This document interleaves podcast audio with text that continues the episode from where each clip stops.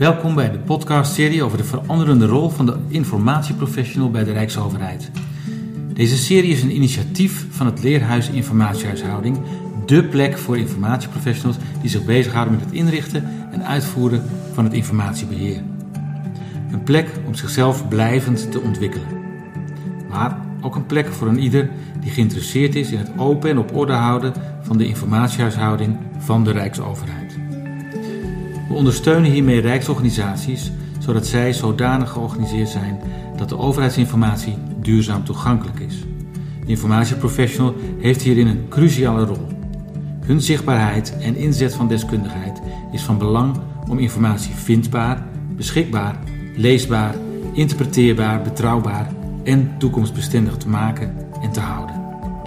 Mijn naam is Sebo Boerma, onderwijskundig adviseur van het Leerhuis.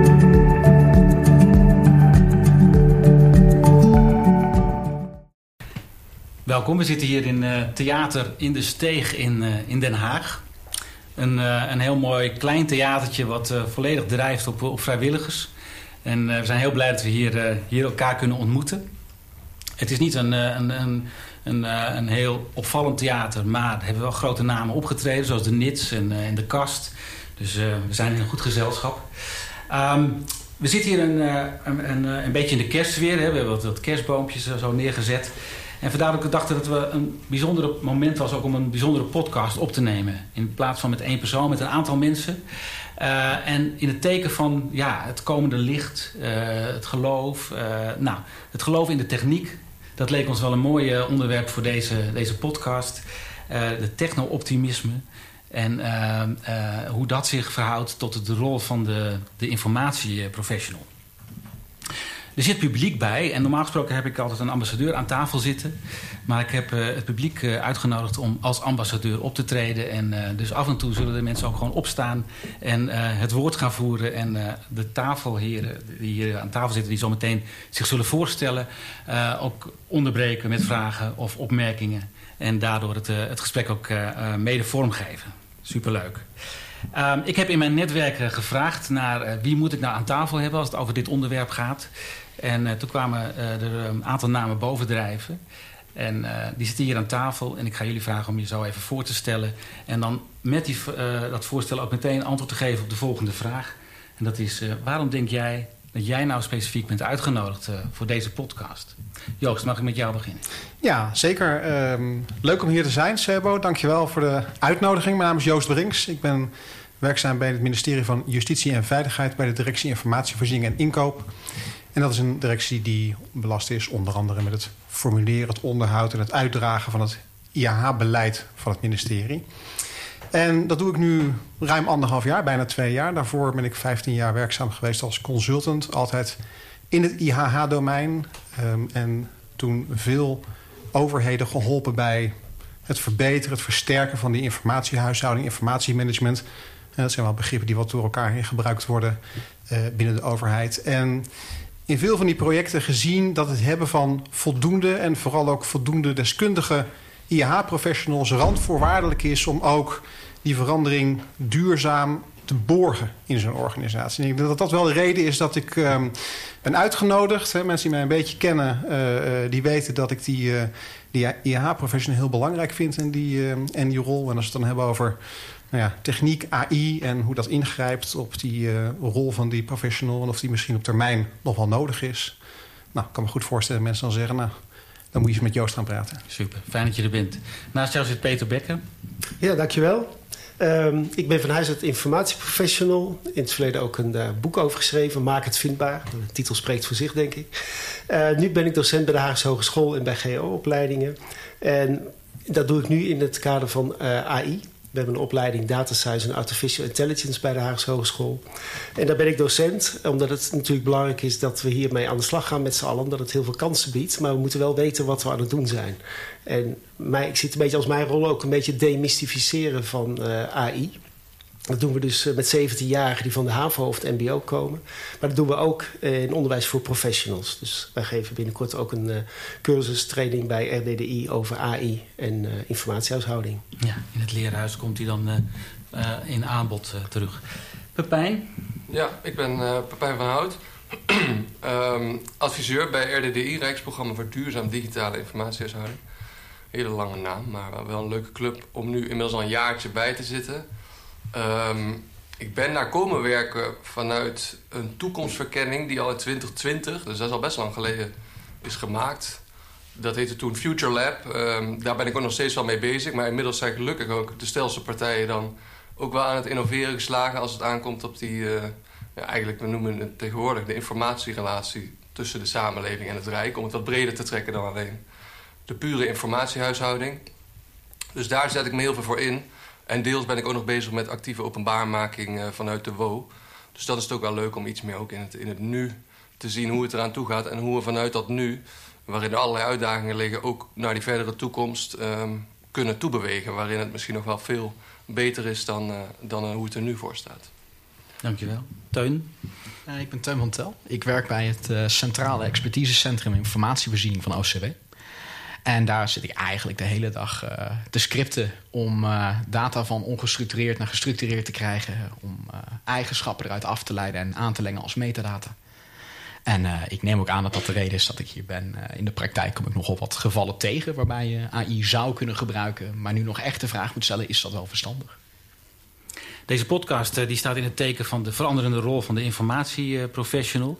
Uh, is in het leven geroepen om die kwaliteit van die informatieprofessionals weer op orde te krijgen. En daarmee het, eigenlijk de informatiehuishouding binnen de Rijksoverheid.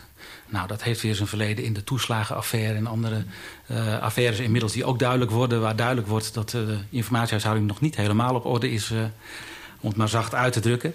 Uh, en dat is weer veroorzaakt al ergens in ieder geval... door uh, de komst van de computer en het geloof dat we dachten... nou, met zo'n computer, ach, wat heb je dan nog aan informatiebeheerders... want dat doen we dan allemaal wel zelf. Nou, inmiddels zijn we erachter dat dat niet uh, echt aan de orde is... Maar tegelijkertijd zie je met de komst van de AI opnieuw een soort van geloof in de technologie en een geloof in, het, in de mogelijkheden van technologie. En uh, daar willen we graag met, uh, met jullie over van gedachten wisselen. Van wat betekent dat eigenlijk voor die informatiebeheerder, professional? Is dat nog steeds nodig? Of uh, kunnen we wel weer zonder die, die expertise? Nou, een kleine disclaimer alvast, of een, hoe heet het, een spoiler. Ehm, volgens mij komen we er wel achter dat die informatiebeheerder nog steeds heel hard nodig is. Um, maar wat dat dan precies is, daar, daar gaan we graag over met, met jullie in gesprek. Um, ik merkte ook de afgelopen week, misschien was ik erop gespitst... maar dat er onwijs veel gesproken wordt over AI. Ook op LinkedIn, uh, de socials, wordt er heel veel uh, uh, informatie gedeeld. De hoeveelheid software die, iets, waar, waar, AI bij betrokken is eigenlijk... die groeit enorm. En ook de mogelijkheden, foto's die je makkelijk kunt herstellen... hele filmpjes die je kunt laten maken... presentaties die er automatisch uitrollen als je een goede vraag stelt... Nou, het is ongekend. Um, maar wat is AI eigenlijk precies, Peter? Zou jij daar ons eens even in mee, kunnen nemen? Ja, dan zal ik mijn best doen om dat kort te houden... want er valt natuurlijk heel veel over te vertellen. Maar eigenlijk bestaat AI al heel lang. Hè, systemen die zelfstandig bepaalde handelingen verrichten... waarvan we dan zeggen, ja, dat lijkt heel erg op datgene waar we menselijk verstand voor nodig hebben. Maar in de oudere vormen is dat vaak nog heel erg door programmeercode. Is het gewoon voorgeschreven aan die computer wat hij moet doen. Maar de AI waar we ons nu eigenlijk mee bezighouden... waar we nu allemaal uh, nou enthousiast van worden of bang van worden... of in ieder geval uh, wat opwinding veroorzaakt... dat is de AI die zelfstandig heeft geleerd. Dat is dan uh, de kern. En dat leren is dan op basis van ja, voorbeelddata, grote hoeveelheden data. En daarom neemt het nu ook zo'n vlucht... omdat we nu over heel veel data beschikken, digitaal. Dus kun je systemen trainen door met heel veel data te voeden. En dan kun je daar bijvoorbeeld zelf al bij zeggen van nou, ik geef allerlei foto's van dieren. En dit is een hond en dit is een aap en dit is een kat. En op een gegeven moment gaat het systeem gaat het patroon herkennen. Net zoals dat het eigenlijk bij kinderen doen. Hè. We wijzen plaatjes aan en we zeggen wat het is. En na een tijdje heeft dat kind zelf het patroon gezien. En het leuke is dat je dus een, een plaatje van een, van een hond aan een kind laat zien. Maar vervolgens maakt hij zelf ook de vertaling. Dat als hij een echte hond ziet, zegt hij hond. Uh, en dat is bij AI dus ook zo. Op een gegeven moment heeft de AI het patroon herkent en kan dus zelf dan zelfstandig zien, ook in een andere context, wat iets is. Um, en dat noemen we dan eigenlijk voorspellen. En dat klinkt altijd een beetje Harry Potter-achtig, maar eigenlijk zeggen we dus door machine learning, dat soort technieken, kan het systeem voorspellingen doen. En ChatGPT is dan een vorm van de AI. dat noemen we dan generatieve AI. Die maakt iets. Of je kunt plaatjes maken of teksten. Ehm, en, maar eigenlijk gaat het ook op basis van voorspellingen. Eigenlijk voorspelt hij zelf steeds wat het meest logische volgende woord is. Of wat het meest logisch is om, waar die pixel neer te zetten voor die, voor die afbeelding. Dus het is allemaal eigenlijk gebaseerd op dezelfde techniek. Voeden met heel veel voorbeelddata. En vervolgens is, wordt het patroon herkend en dan kan het systeem daarna het kunstje zelf. Nou, mooi. Dan hebben we ook AI zelf uh, aan tafel gevraagd. Hè, want we dachten het is wel leuk om over AI te praten. Maar het is ook leuk om met AI te praten. Uh, Nasira zal, zal dat AI verwoorden, hè, de stem geven. Wat, wat, zegt AI zelf eigenlijk over wat AI is? AI zegt, als we het hebben over kunstmatige intelligentie... verwijzen we naar de ontwikkeling van computersystemen. Die taak kunnen uitvoeren die normaal gesproken menselijke intelligentie vereisen. Heel kort en krachtig, hè? Ja, ja. Nog, nog krachtiger dan in ieder geval. um, als je dat nou zo hoort, hè, wat, wat zijn nou toepassingen... en dan, dan ga ik jullie graag meteen meenemen in de informatiebeheer... waarvan je zegt, ja, in de informatiebeheer... kunnen we dat soort dingen wel dan gaan doen met die, uh, met die AI. Wie wil daar iets over zeggen? Teun? Nou, wat we natuurlijk uh, heel veel doen in onze systemen is we gebruiken metadata om van een document te kunnen bevatten wat het is, zonder dat we er daadwerkelijk in hoeven te kijken. Zouden we dat niet doen, dan zouden we het hele stuk door moeten nemen om ook maar een klein beetje informatie eruit te krijgen. Nou, waar zou je een AI voor kunnen gebruiken? Voor het verrijken van die metadata. Van het plaatsen van labels over de status of staat van een document. Uh, op grond van kenmerken in dat document. Okay. En het voordeel wat dit dus zou besparen is natuurlijk vele uren aan leeswerk. Mooi. Andere ja, een voorbeeld waar we uh, binnen justitie en veiligheid wel mee uh, experimenteren is het wegwerken van onze papieren achterstanden. We hebben nog heel veel kilometers papier bij JNV, wat al vernietigd had moeten zijn, dan wel over had gebracht had moeten worden. Um, en dat is nu in veel gevallen echt nog mensenwerk. Hè? Mensen moeten door die dossiers heen en beoordelen... is dit te bewaren of is dit te vernietigen op basis van die selectiecriteria. En waar we naar kijken is of we uh, dat kunnen automatiseren. Dat we uh, op basis van vakmensen die zeggen... hey, dit zijn stukken die zeker te vernietigen zijn. Dit zijn stukken die zeker te bewaren zijn... Uh, uh, uh, een toepassing kunnen trainen om dat vervolgens voor ons te doen. En te zeggen, nou, dit is met zekerheid iets wat te bewaren is. Dit is met zekerheid iets wat te vernietigen is. En dit is wat er tussenin zit en waar nog een menselijk oordeel aan te pas moet komen. Om op die manier eigenlijk veel sneller door die kilometers achterstand heen te gaan. Dus dan geef je AI de selectielijst en dan... Ja, dat, beslist hij wie wat en wel en niet... Ja, we doet in ieder geval een voorselectie daar, daarin. Ja. Okay. Mooi. Andere vormen nog waarvan jullie denken, ja, maar wacht even. Dit is ook mogelijk als het gaat over informatiebeheer. Nou, ik, ik vond vooral net de, de, de, de uitleg die dan ChatGPT zelf gaf... die vond ik ook wel getuige van hoogmoed. Want die zei, ja, eigenlijk alles um, wat menselijk, menselijke intelligentie vereist... dat is wat, uh, wat AI ook kan. Ja, wat is een taak die geen menselijke intelligentie vereist? AI kan alles. Dat is dan een beetje de, conclusie die daarop volgt. Um, en ik denk inderdaad, uh, bijvoorbeeld uh, heel bazaal... je hebt een uh, gedaan, je krijgt een hele lijst met pdf'jes, bestanden, tijdstippen.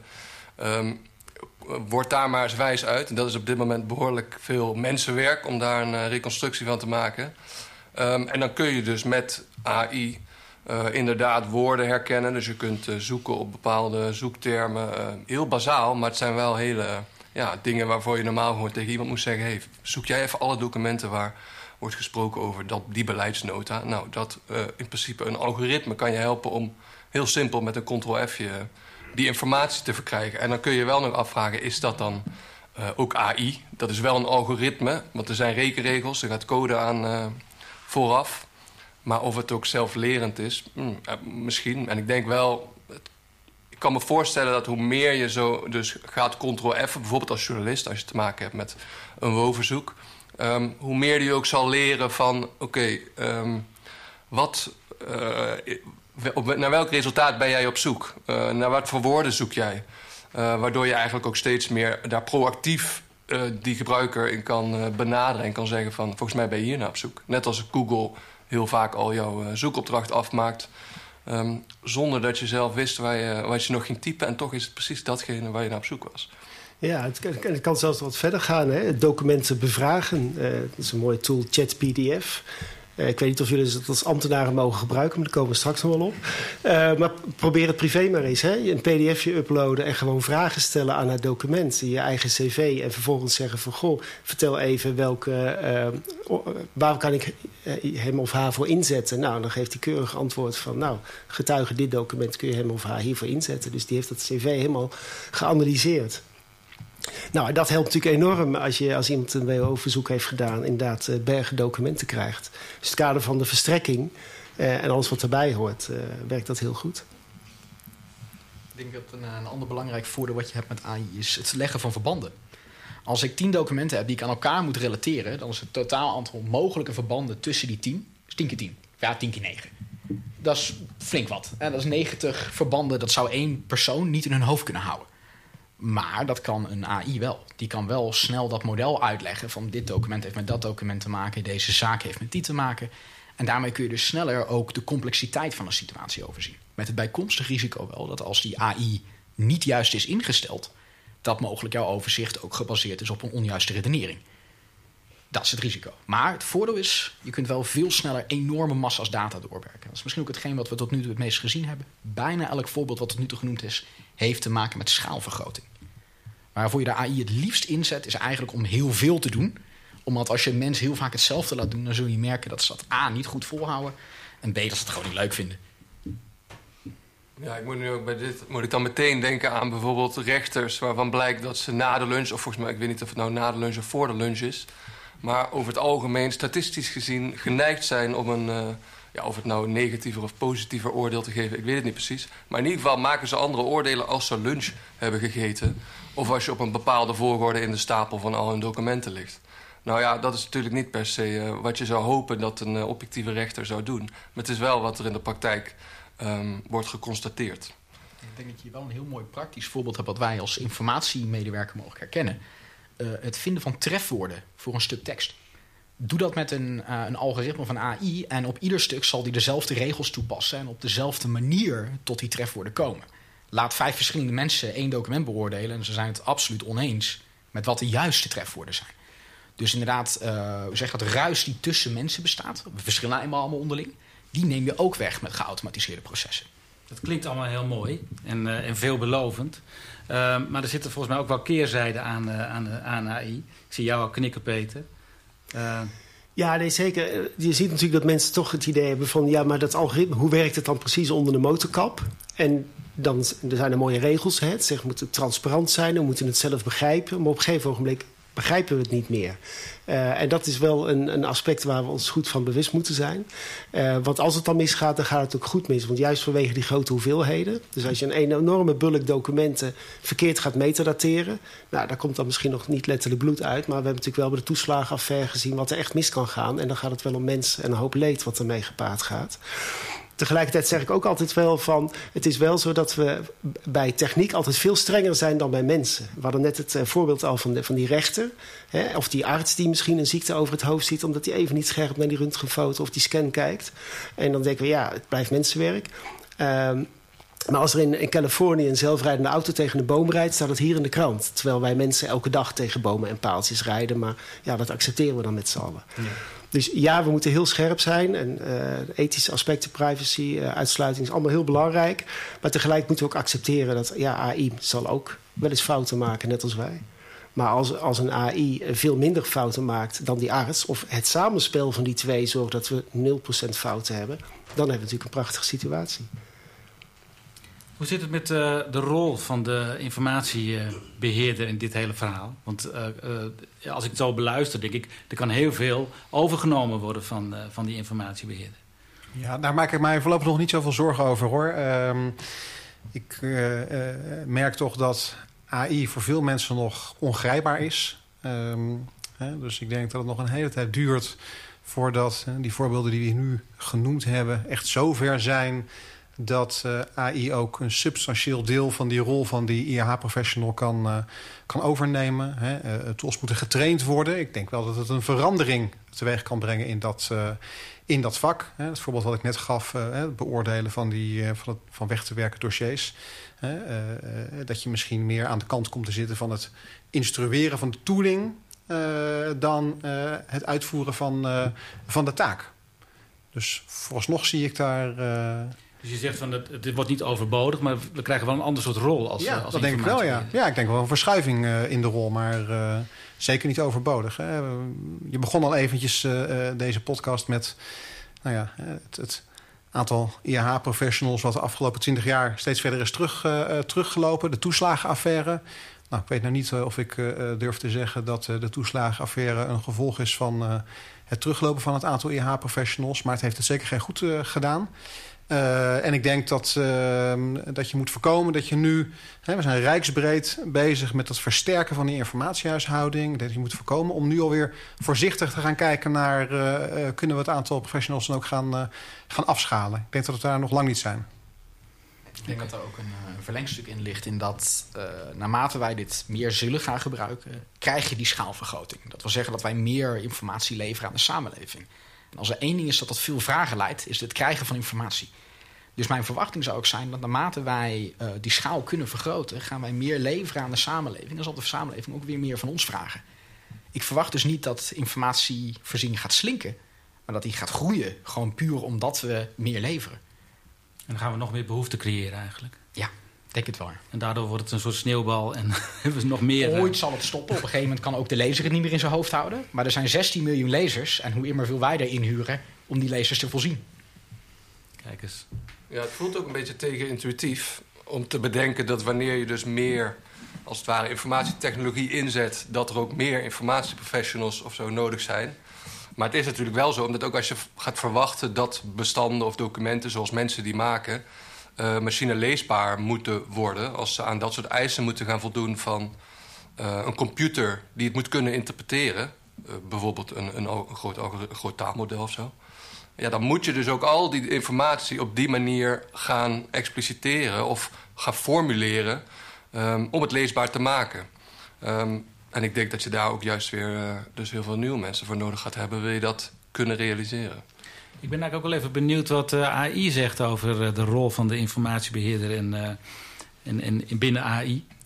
Dus ziet AI daar een, een rol voor, zich, voor de informatiebeheerder weggelegd? En tegelijkertijd met dat jij even aan het, aan het zoeken bent...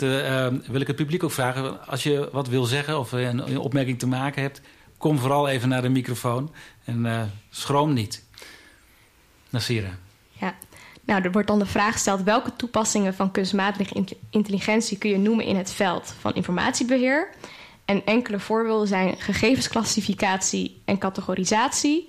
AI-algoritmen kunnen worden gebruikt om grote hoeveelheden, hoeveelheden ongestructureerde gegevens te analyseren en automatisch te klassificeren in relevante categorieën. Dit is handig voor het organiseren van informatie en het maken van zoekprocessen. Die worden dan efficiënter gemaakt. En een tweede die wordt dan gegeven, waar jullie het ook al eerder over hebben gehad, is zoekmachines en informatieverwerking. AI-gestuurde zoekmachines maken gebruik van machine, machine learning algoritmen om zoekresultaten te personaliseren op basis van gebruiksgedrag. Ze kunnen begrijpen wat de gebruiker zoekt en relevante resultaten leveren. Ik zie allemaal instemmende knikken. Nou, ik hoor dat de AI het redelijk met ons eens is, dus dat is een uh, geruststellende gedachte. Wel hier gelijk een interessant voorbeeld dus. Hè? Dat, uh, het eerste geval gaat over het categoriseren van de gegevens om het zoeken te verbeteren. Dat is op zich denk ik iets wat heel nuttig is om zo snel mogelijk tot je resultaat te komen. Maar interessant is of het ooit de moeite waard is om uh, op het persoonsniveau van een ambtenaar bij te houden wat hij eerder gezocht heeft. Want volgens mij heeft mijn zoekgeschiedenis weinig relevantie als ik een nieuwe opdracht krijg. Dus je ziet dat daar toch een, een, een weging te maken is van wat probeer ik nou precies te bereiken en wat zou dat dan veroorzaken. En in dit geval zou je dus bijvoorbeeld mogelijk je eigen medewerkers bubbelen. Ja. ja daar moet je mee uitkijken natuurlijk. Dus je ziet hier toch al een beetje. wat dat, zou het effect zijn? Als je die... Dus wat zo'n leerder zou doen, is die zou gaan uitpuzzelen wat het meest waarschijnlijke resultaat voor jou is op grond van het meest uh, voorkomende gedrag in de regel. Mm -hmm. En dat zou dus betekenen dat als jij uh, dan een keer een opdracht krijgt die uitzonderlijk is ten aanzien van jouw gewone functie, of die niet vaker zou uitoefenen, of hek, dit zijn gewoon je, je P-zaken, mm -hmm. die hè, verder niet je normale taken zijn, dan zou die AI je toch de hele de richting uit gaan duwen van ja, maar ben je niet met de podcast bezig? Nou, dat probleem uh, is dus iets wat je moeilijk verhindert door op persoonsniveau te controleren. Je hebt eigenlijk de functie nodig, of het proces of zoiets. En dat is ook wat een AI heel erg geeft. Hij is heel gretig. Hij zal zo snel mogelijk leren op hetgeen wat je hem wel geeft. Geef ik hem iets over een persoon, dan leert hij iets over de persoon. Niet over het proces of een functie. En dat is iets waar je dus heel erg voorzichtig mee moet zijn, maar ook bedachtzaam. Als je weet waarom je hem gebruikt, kun je juist weer een heel veel beter model programmeren. of laten leren. Nou waren we al even aan het verkennen van wat betekent dit voor de informatiebeheerder. Wat, wat, wat, als je dit zo, zo schetst, wat, wat zegt dat over de rol van de informatiebeheerder? Heeft hij daar een rol in? Uh, ja, als, als wij niet de gebruiker, uh, als wij geen AI kunnen gebruiken om de gebruiker in te schatten, dan moet het dus wel zo zijn dat de gebruiker informatie bijlevert die niet door de AI wordt geleverd. Nou, in dit geval heeft het dus te maken met het verbanden zien tussen je taken, omdat die taken kunnen heel wisselend zijn en zullen dus waarschijnlijk niet onmiddellijk aan een leerbaar patroon voldoen. En wat voegt de gebruiker dan toe? Contrast en het vermogen tot te beoordelen in uitzonderlijke situaties. Een goede manier om het te beschouwen is dat de, de kassa is prima te automatiseren, maar de infobalie is een uitdaging. En dat is precies waar je denk ik ook de rol van de informatiebeheerder straks naartoe zult, gaan, zult zien gaan. Ik zou nog, ja, helemaal mee eens. Ik zou ook al willen toevoegen dat, uh, kijk, we hadden het over het leren door zo'n systeem, hè, op basis van data die, waarmee je het systeem voedt, of dat algoritme. Nou, die data, dat is een heel groot probleem, want die data is heel vaak niet op orde. Um, en dat kan dus allerlei uh, biasen veroorzaken in dat model. He, ik hoor ook heel veel beleidsmakers uh, die zitten dan op tv over de toeslagenaffaire of vergelijkbare dingen. Ja, het algoritme. Ja, want het algoritme dat deugt wel. Het algoritme is verkeerd getraind omdat die data niet schoon was, niet representatief was voor hetgene waarvoor je het wil gebruiken. Nou, wij informatiespecialisten zijn van nature gericht op zuivere, betrouwbare data. Dus ik denk dat wij een hele belangrijke rol hebben om te zorgen dat dat model dus getraind wordt met de juiste zuivere data. Eh, verdubbelingen eruit, fouten eruit, maar vooral ook goed representatief voor degene waarvoor je het wil gebruiken. En dus ook vervolgens kunnen inschatten of nou, de testresultaten dan ook voldoen aan wat we uiteindelijk beogen met z'n allen. Uh, maar dan moet je dus snappen hoe het werkt, wat de principes erachter zijn waarvoor je het wel en niet kunt gebruiken. Uh, maar vooral in die voorkant heel kritisch zijn op die data waarmee je gaat trainen. Misschien een mooi voorbeeld hierbij is, um, en, en sommige luisteraars kennen het misschien wel, want er is al veel over gepubliceerd. Uh, een AI-oplossing die geleerd is onderscheid te maken tussen wolven en huskies. waarbij op een gegeven moment de toepassing zei toen er een uh, uh, wolf getoond werd dat het een husky was. En later bleek dat de toeling gevoed was met foto's van huskies die in de sneeuw stonden... en wolven die niet in de sneeuw stonden. En op een gegeven moment werd er een wolf in de sneeuw getoond. En toen bleek dus dat er eigenlijk naar de achtergrond werd gekeken, dus naar de sneeuw... Uh, in plaats van naar het dier. En dat dat mooi aansluit op wat je zegt. Hè. Je moet weten wat je gebruikt als je die, uh, als je die AI aan het trainen uh, bent... en waar die naar kijkt. Um, en of datgene waar die naar kijkt ook datgene is waar jij denkt en hoopt dat hij naar, naar kijkt. En ik denk dat dat een belangrijke rol is van die IA-professional... om, om daar toezicht op te houden en controles op uit te voeren. Dus die moet goed weten hoe dat databestand in elkaar zit... welke data er beschikbaar is... En ook hoe er gekeken wordt naar die data vanuit AI. En daar heel kritisch op te zijn. Ja, zeker. Ja. Ik, ik denk dat je dat inderdaad, om, om een voorbeeld te geven van de husky binnen onze omgeving. En wat, wat is dan die husky en wat is die sneeuw? Een heel simpel voorbeeld is: stel je zou uh, gescande documenten, picture PDF's, uh, waar geen, geen letters echt in staan, het zijn eigenlijk plaatjes. Wil je klassificeren op welke organisaties ze vandaan komen? Nou, dat kun je dan doen door te kijken natuurlijk waar in de tekst die organisatie mogelijk genoemd wordt. Stel dat er een krasje zit op de scanner van één van die organisaties en niet alle andere, dan gaat hij gelijk op dat krasje af in de afbeelding. Dat krasje wordt dan voldoende bewijs om het te klassificeren als, oh, organisatie A. Nou, dat soort dingen zijn dus zaken waar je best wel voorbereid op moet zijn, maar ze kunnen anderzijds ook uit een hoek komen die jij toch niet gaat verwachten.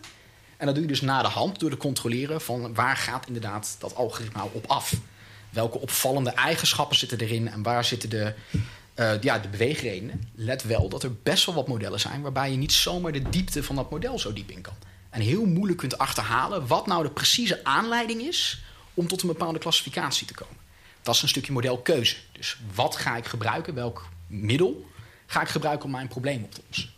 Dat is ook denk ik iets wat steeds relevanter zal worden voor de informatie uh, professional. Maar dat klinkt dus heel complex. Want dan, dan moet je dus op een gegeven moment heel goed snappen hoe uh, zo'n uh, AI-toepassing, hoe die tot zijn, zijn beslissingen komt. Ja, je kunt het ook nooit alleen. Als, als iets geldt bij data science en AI is dat het teamwerk is. Hè? Dus je, je hebt de data scientist of AI-specialist nodig. Hè? Want wat jij nu beschrijft, dat noemen we dan mooi feature engineering. Hè? Op basis van welke kenmerken heeft hij nou het onderscheid gemaakt.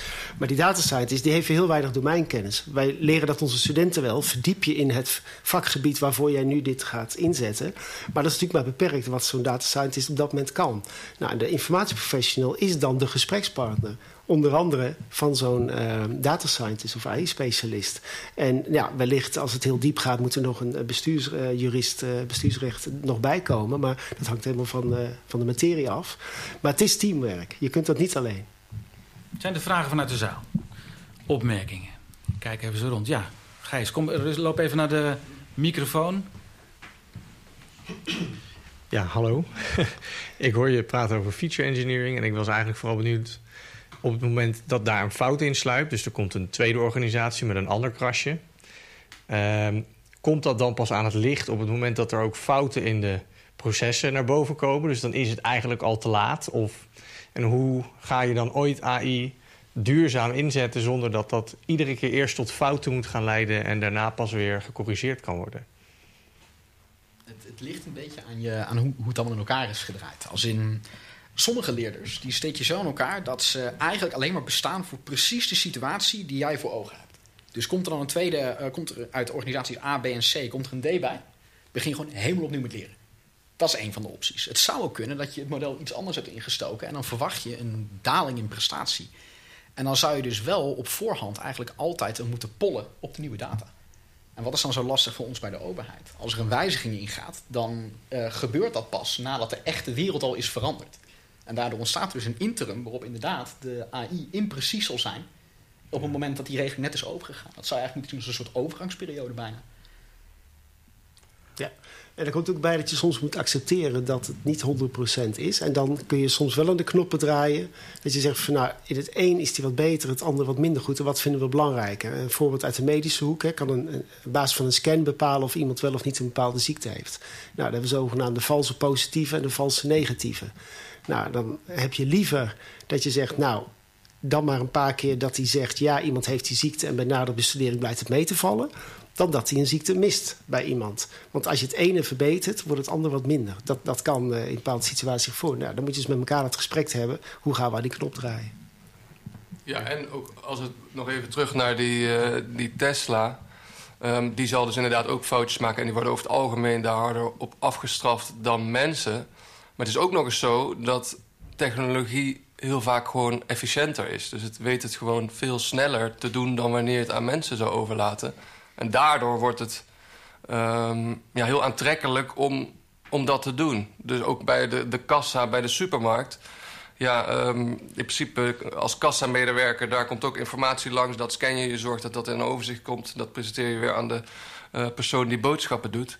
Um, dat, dat kun je gewoon gigantisch efficiënt maken... door dat gewoon allemaal te automatiseren. En inderdaad, er is dan nog een rol over. Namelijk uh, bij een vraag of een klacht, infobalie. Zelfs dat kun je overigens met een... dat doen althans heel veel bedrijven. Proberen met een chatbot dat te doen. Maar in het algemeen, het wordt veel efficiënter. En in die zin denk ik ook wel... nu zijn we heel optimistisch over de rol van de informatiebeheerder... Um, maar goed, als die technologie zo goed blijkt te zijn als die meent te zijn... Hè, waarbij we dan genoeg vragen hebben... maar Stel, hij wordt heel goed. Ik denk wel dat er dan andere rollen voor die informatiebeheerder uh, ontstaan... die ze zouden kunnen gaan spelen. Maar niet die rol die ze in het uh, verleden altijd gespeeld hebben. En wat denk je aan dan, uh? Heb je, heb je een idee daarbij? Nou ja, bijvoorbeeld in de analogie... Uh, we hebben in Future Lab ooit gezegd ook um, um, verhaalhaler. Iemand die als je een vraag hebt van... hé, hey, ik is hier een besluit gemaakt... er zijn allerlei dingen aan vooraf gegaan. Jullie hebben daar gebruik gemaakt van allerlei informatie. Kun je mij eens uitleggen hoe, hoe dat besluit is gemaakt?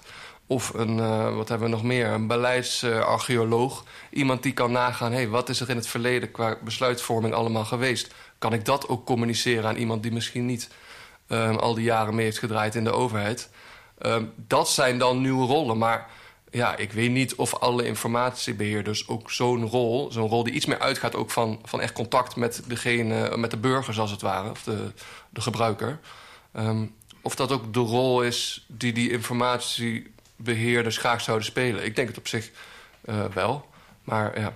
Nou, ik merk nu al in de gesprekken met uh, uh, verschillende informatiebeheerders over wat is die veranderende rol, dat er juist die menselijke component heel vaak genoemd wordt. Hè, als ja, we moeten steeds meer naar buiten, we moeten meer het podium op, we moeten ons meer laten zien. Meer in gesprek met degene die de vraag heeft. En jij trekt hem dan nog een stapje verder, dat je zegt, nou, ik vind het wel een mooie titel, beleidsarcheoloog. Dat je op zoek gaat naar hoe beleid tot stand is gekomen eigenlijk. En uh, dat betekent ook dat je achter de voordeur van AI moet gaan kijken. Van hoe, is dat, hoe heeft dat een rol gespeeld in die besluitvorming? Eh, ja, ik denk dat kan ook echt heel leuk en betekenisvol zijn. Maar dit gaat nog wel allemaal uit van het scenario... waarin de uiteindelijke bestuurders hebben gekozen... hey, wij vinden het nog steeds de moeite waard om dit soort zaken te gaan regelen... door daar mensen bij te betrekken. Maar als een technologie veel efficiënter bijvoorbeeld al die informatie kan verzamelen... en weer terug kan koppelen... ja, dan kan je ook heel veel geld besparen en zeggen... de overheid die kost opeens veel minder uh, mensen, die veel minder mensen nodig... Uh, dus het risico is denk ik wel dat je toch weer... Hè, of die technologie nou voldoet aan die verwachting of niet... maar dat je gaat wegbezuinigen. Namelijk, hey, we kunnen het gewoon laten doen door, door technologie. Dan hebben we die mensen niet meer nodig. Ja, dat is denk ik een reflex die altijd op de loer ligt met technologie. En waar we gelukkig steeds meer vragen bij stellen van... willen we dat? Ja. Zijn er ook nieuwe rollen die er ook vrijkomen? Ja, we hebben wel wat voorbeelden uit het verleden waarin we gezien hebben dat het niet werkt. Hè? Want je zou plat gezegd kunnen zeggen, nou, je koopt een DMS en we richten dat één keer in. Eén keer denken we goed na over de inrichting, dat doet die informatiespecialist. En dan kunnen er vervolgens alle eindgebruikers zelf op een goede manier opslaan. Nou, ik zie al mensen knikken in het publiek. We weten allemaal dat dat niet werkt. Nee. En zo geldt het hier ook voor. We kunnen allerlei prachtige tooling binnenhalen, we kunnen het trainen. We kunnen zeggen, nou, voortaan heeft die eindgebruiker allerlei slimme tools tot zijn beschikking uh, om het zelf te doen.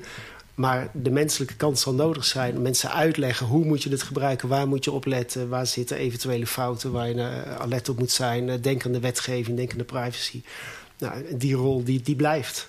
Denk je ook dat het van de informatieprofessionals vraagt om zich te verdiepen juist in AI en heel erg te snappen hoe het werkt? Dus verder dan de gemiddelde, nou ja, zoals ik, die dan af en toe er een beetje mee speelt. Maar... Absoluut. Als je AI steeds meer gaat inzetten in dit vak, zou je het moeten begrijpen wat het, wat het is en wat het doet. Hè? Um, en um, of die rol, wat, wat uh, Pepijn zegt, uh, dat dat misschien gaat, gaat, gaat uitsterven, dat weet ik nog, uh, dat weet ik nog, nog, nog niet.